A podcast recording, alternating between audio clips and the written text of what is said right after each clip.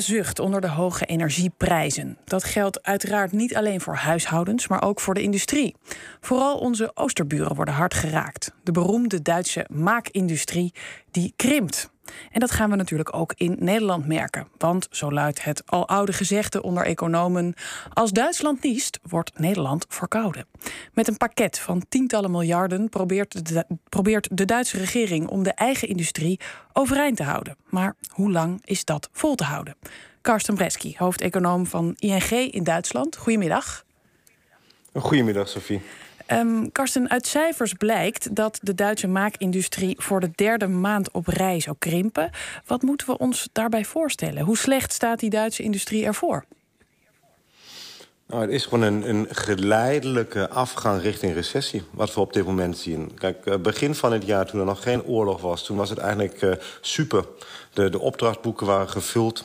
Uh, en alles leek erop dat Duitsland dit jaar echt een enorme inhaalslag ging maken. Zeker omdat de wereldeconomie ging aantrekken. En nu hebben we juist het tegenovergestelde is gebeurd. We zien gewoon een verzwakking van, van de, de buitenlandse vraag.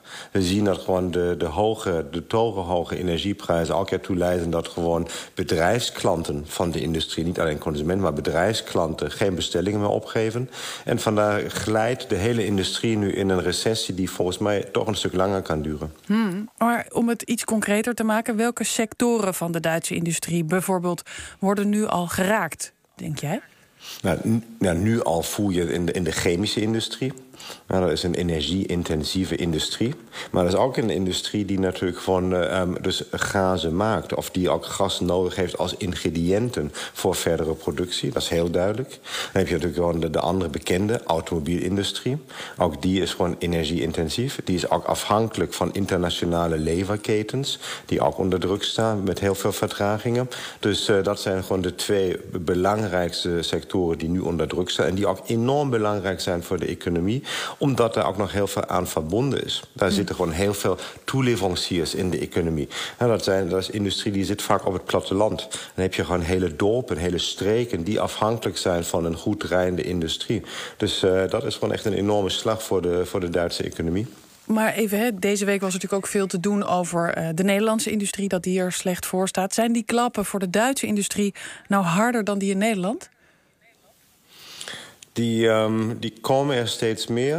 Verhalen zijn niet zoveel anders. Hè, want het begon natuurlijk gewoon, dat hadden jullie ook in Nederland... Gewoon, het begon met, uh, met een kleine eh, bakker bijvoorbeeld... die veel te hoge kosten heeft. Die gewoon dan moet de productie moet sluiten. Het gaat nu door naar, naar, naar klein of middelgrote bedrijven... Waar, die zeggen gewoon de energie is te hoog. Hè. Dus in, in Duitsland was bijvoorbeeld nou, ook een beetje ironie van twee jaar geleden... nog profiteur van de pandemie. Het wc-papier producent Hakle, uh, die, moest, uh, die moest gewoon de productie sluiten. Die, is, die, die gaat failliet. Hmm, um, je hebt gewoon... Het, ja. Nou ja, ik begrijp het zo hè, dat, dat natuurlijk de industrie is, is zowel in absolute als in relatieve zin ook, ook groter um, de industrie uh, ten opzichte van de, hè, voor de economie. Dus de economische belangen zijn groter van die industrie dan in Nederland. Zeker. Je hebt, ja. je, hebt, je hebt eigenlijk in Europa alleen maar twee landen die sterk afhankelijk zijn van de industrie. Dat zijn uh, Duitsland en Italië. Ja. In, be in, beide landen kan je zeggen van dat hè, industriële productie is pakweg zo'n 15 tot 20 procent van, uh, van, van, de economie. Ja.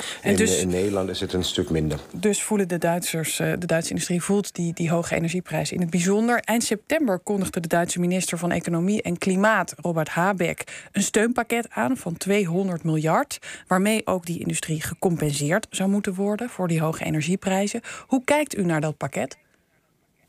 Um, nog uh, met een beetje sceptisch. Wa waarom? Omdat er gewoon nog heel veel onduidelijk is.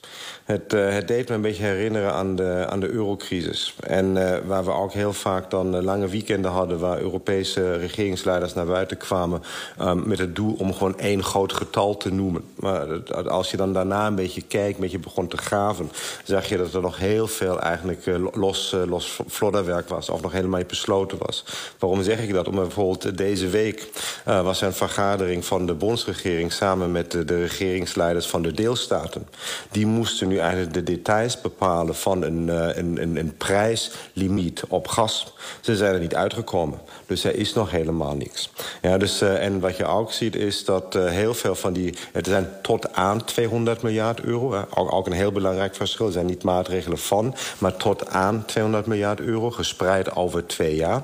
En die richten zich vooral op dit moment nog op de consument. Ja. En, uh, en dat is denk ik de fout van de regering... die te lang alleen maar heeft gekeken op de consument... en nog te weinig uh, oog heeft voor de industrie. Ja, in een column voor de Belgische kranten De Tijd onlangs... schrijft u dat Duitse beleidsmakers zich eigenlijk beter zouden moeten richten... op die groene transitie, de overgang naar meer duurzame energie. Um, bedoelt u dan dat dat op dit moment te weinig gebeurt? Dat zou een opmerkelijke vaststelling zijn... met een economie- en klimaatminister afkomstig van de Groenen. Het is gewoon ook voor, zeker voor de groenen een, een heel moeilijke situatie. Want wat komt hier? Je, je, hebt nu een heel zware winter voor de boeg. Met een uh, onmiddellijke energiecrisis. Waar je gewoon probeert economisch leid um, enigszins op te vangen. Door de ouderwetse um, begrotingsimpulsen te zetten. Door gewoon uh, het verlies van koopkracht op te vangen. Um, tegelijkertijd moet je gewoon ervan uitgaan dat deze hoge energieprijzen structureel hoog blijven. En dat je nu snel die groene, of die groene transitie moet versnellen. Dus dat, uh, dat vraagt een heel ander uh, begrotingsbeleid. Dat vraagt een begrotingsbeleid waar je incentives moet creëren om, om te investeren, om, om consumptiegedrag te veranderen. En dat is, en dat is niet alleen maar in Duitsland zo, is in heel veel Europese landen zo. Dus je ziet gewoon dat nu wordt geprobeerd het leed van de, van de naderende recessie op te vangen, maar te weinig incentives te scheppen om gewoon gedrag, consumptiegedrag, zowel van de industrie als van de huishoudens te veranderen. Ja, maar nog even naar die industrie terug. Hè. In datzelfde stuk schrijft u dat er hoe dan ook onherstelbare schade zal ontstaan voor die Duitse industrie. Wat bedoelt u daarmee? Ik bedoel, is, het, is het onvermijdelijk dat die Duitse industrie nu zal krimpen? Nou. Wat je, wat je nu hebt, je hebt een situatie waar, waar, waarin industriebedrijven gewoon op één maand um, de, een, een, of energiefactuur betalen op één maand, die ze normaal gesproken op een jaar betalen. Dus dat is factor 12. Het is gewoon, uh, dus dat kan niet elk bedrijf overleven. En dat is het probleem. Dus als je, als je kijkt dat in andere regio's van de wereld... de energieprijzen veel lager zitten... dan dreigt het gevaar in ieder geval dat je gewoon deze productie... dat je die gaat verliezen. Ja, maar dat is anders dan... Uh, dat ze zich zullen verplaatsen naar elders, bedoelt u? Ja, dan moet je verplaatsen. Want je kunt gewoon industriële productie niet eventjes twee maanden... of, of een maand stilhouden en dan weer, weer opstarten. Dus uh, wat er gaat gebeuren is dat er gewoon inderdaad gewoon bedrijven... volledig zich terug gaan trekken uit Duitsland en elders naartoe gaan. En dat is gewoon de, de, de schade, of het, het risico van een blijvende schade... omdat je daarmee in feite economisch kapitaal, economische kracht gaat verliezen. Ja, nou ja, vooral als u zegt, hè, Duitsland is nog veel veel afhankelijker van de industrie dan bijvoorbeeld wij in Nederland, dan lijkt me dat echt slecht nieuws voor die Duitse economie. Dat is definitief slecht nieuws. Hè? Want er is geen ander um, land van Europa wordt zo sterk geraakt economisch um, door deze oorlog in de Oekraïne en, en alle economische gevolgen als de Duitse economie. Want als zich kan je zeggen, nou wat is het, het, economisch succesmodel van, van Duitsland geweest de afgelopen decennia? Het was in ieder geval gebaseerd op, uh, op goedkoop energie. En het was gebaseerd om te profiteren van, van wereldhandel, globalisering.